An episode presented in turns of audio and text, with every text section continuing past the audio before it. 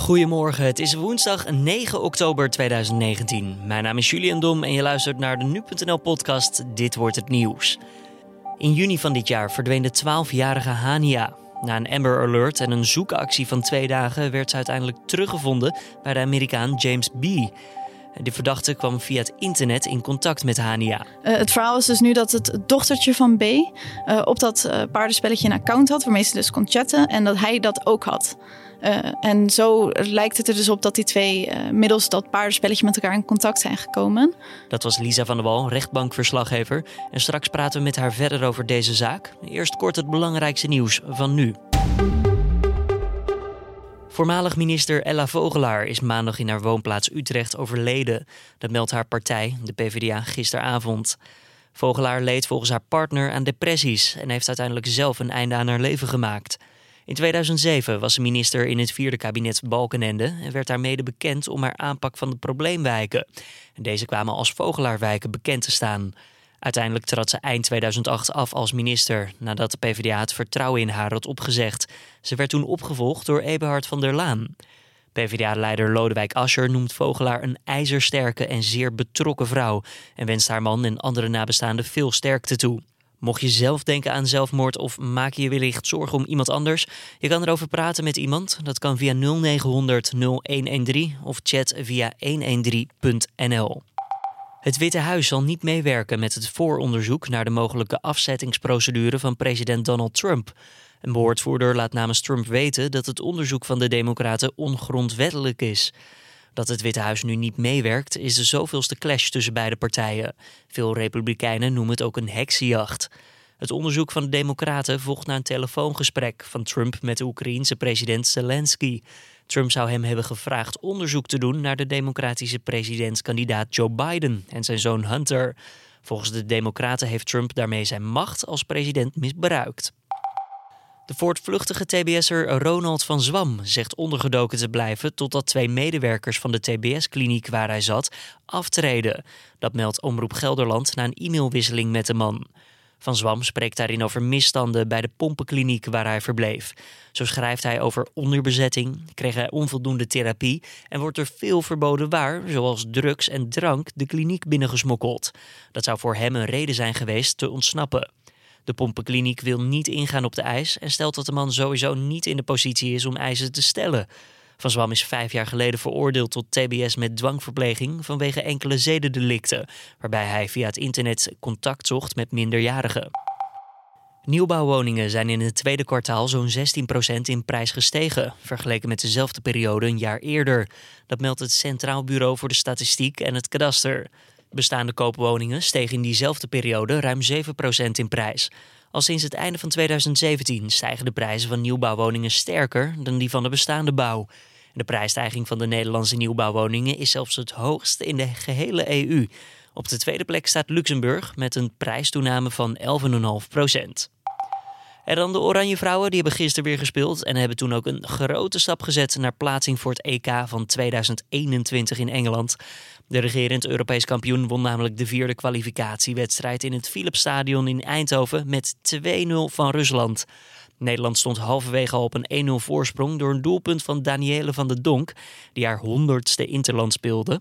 En na rust maakte Viviane Miedema het tweede doelpunt voor Oranje. De ploeg van bondscoach Sarina Wiegman speelde zeker niet uitstekend, maar creëerde desondanks wel de meeste kansen. Voor de rust werd wel nog een strafschop gemist door Sherida Spitsen, maar uiteindelijk maakte dat niet meer uit voor de eindstand. Nederland staat door de winst nog altijd bovenaan in de pool met nu 12 punten uit 4 wedstrijden. Dan gaan we naar ons nieuwsonderwerp van deze dag, de zaak Hania. In de zomer van dit jaar werd er namelijk een Amber Alert verspreid vanwege de vermissing van de 12-jarige Hania. Uiteindelijk werd het meisje gevonden in het Rotterdamse Hilton bij de inmiddels 50-jarige Amerikaan James B. En vandaag is de eerste zitting in deze zaak. Daarover praten we met de rechtbankverslaggever Lisa van der Wal. Lisa, om te beginnen, op wat voor wijze verdween Hania? Nou, in de eerste instantie ging het niet eens om een, om, een verdwijning volgens de school. Uh, om twaalf uur uh, in de middag heeft zij gezegd van ik heb een afspraak bij de orthodontist. En de school heeft haar hierop dus laten vertrekken. En pas die middag, eigenlijk om drie uur, heeft haar moeder alarm geslagen toen zij niet thuis kwam. En toen bleek dus eigenlijk dat zij een soort smoes had gebruikt om weg te komen. En uh, toen zijn de uh, agenten ingeschakeld. Toen begon het onderzoek eigenlijk, later ook nog eens een Amber Alert. Um, hoe is de politie vervolgens ja, de dader of de vermoedelijke dader uh, op het spoor gekomen? Uh, nou, dit is eigenlijk zo uh, gegaan doordat de familieleden naar de politie zijn gegaan met informatie over chatgesprekken die waren gewist. En wij weten hier het fijne nog niet van, maar het lijkt erop dat B met HNA in contact is gekomen door een soort online paardenspelletje. Ik zal het even snel voor je uitleggen. Het is een soort, ik heb zelf ook heel veel gekeken. Het is een soort paardenspelletje waarbij je een, een, nou ja, logischerwijs een paard hebt. En daar kun je dan spelletjes, wedstrijden mee doen en daardoor verdien je een soort virtueel geld en dan kun je weer nieuwe spulletjes kopen voor je paard. Um, Oké. Okay. Uh, het verhaal is dus nu dat het dochtertje van B uh, op dat uh, paardenspelletje een account had waarmee ze dus kon chatten en dat hij dat ook had. en zo lijkt het er dus op dat die twee middels dat paardenspelletje met elkaar in contact zijn gekomen. De, dus door die gewisse chatgesprekken leidde het spoor naar deze verdachte in kwestie. Ja, uiteindelijk werd Hania toen aangetroffen in het Rotterdamse Hilton Hotel met B. Um, wat heeft zich daar afgespeeld? Wat gebeurde daar? Nou, het lijkt er dus nu op alsof uh, de twee een ontmoeting hebben gehad op Rotterdam Centraal. En hier heeft hij haar een uh, hotelpas gegeven die je nodig hebt om de deur open te maken en een kamernummer. En dat ze elkaar uh, daar hebben ontmoet. Uh, in dat hotel. En hier heeft ze eigenlijk twee dagen vastgezeten. En uh, daar is ze ook, uh, in, in die hotelkamer is zij ook misbruikt door hem. is nu de verdenking van het Openbaar Ministerie.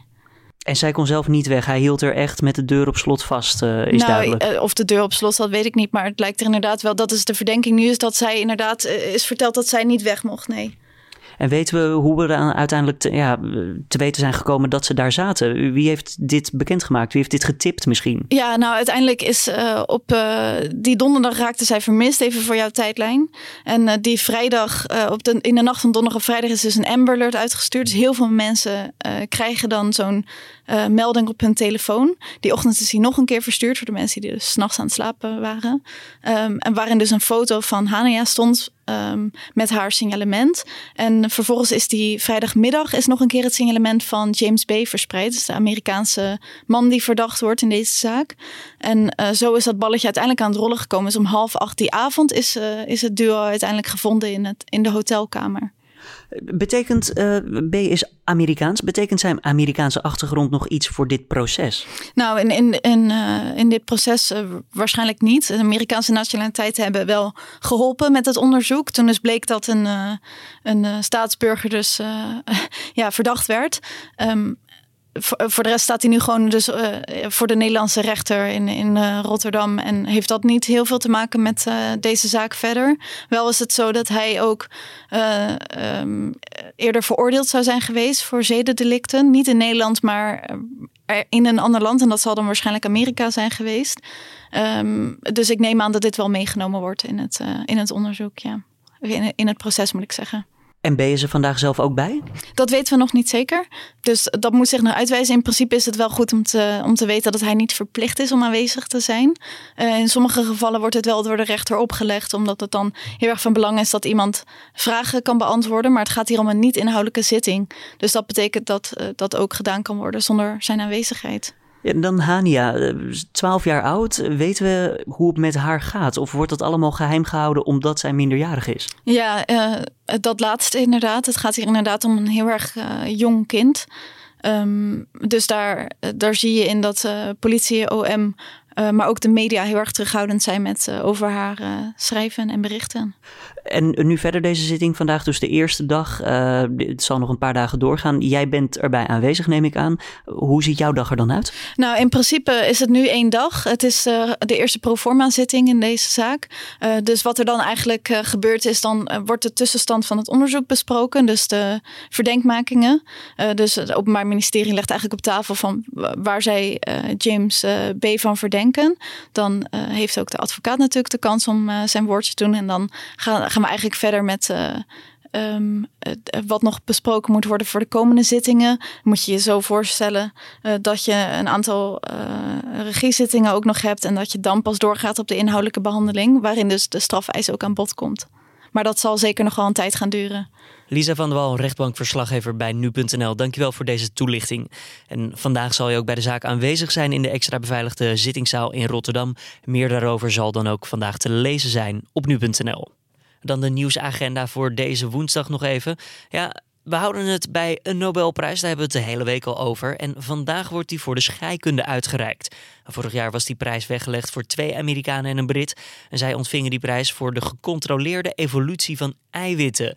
Ja, wat kan je daar nou mee doen? Nou, met die techniek kunnen nieuwe medicijnen ontwikkeld worden. En door gebruik te maken van de evolutie van eiwitten kunnen namelijk gifstoffen worden geneutraliseerd en auto-immuunziekten daardoor weer worden tegengegaan. Nou, zo vlak rond het middaguur moet bekend worden wie dit jaar de prijs in ontvangst mag nemen. Dan nog even het weer voor deze woensdag. Nou, ochtends op veel plekken in Nederland eindelijk weer eens droog. De zon die kan her en der wat doorbreken, maar in de loop van de middag neemt de bewolking toe en vallen er verspreid ook wat buien. Soms ook met een klap onweer. Het wordt ongeveer 13 graden en er waait een stevige westenwind.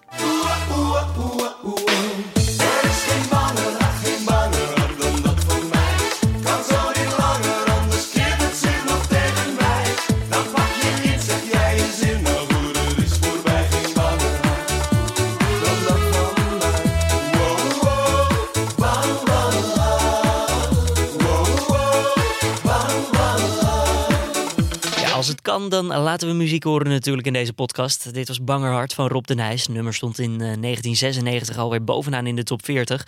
En onlangs deelde de zanger natuurlijk dat hij lijdt aan de ziekte van Parkinson. En hij zegt nu in de Telegraaf dat hij na zijn reeds geplande tournee ook nog eens een afscheidstour wil doen. En dat zal over, over ongeveer een jaar plaatsvinden, vertelt de zanger. Nou, hoe lang die tour wordt, dat hangt nog wel af van hoe snel de ziekte zich ontwikkelt. Maar de Nijs zegt er alles aan te willen doen om nog een laatste ronde langs alle grote theaters in Nederland te kunnen maken.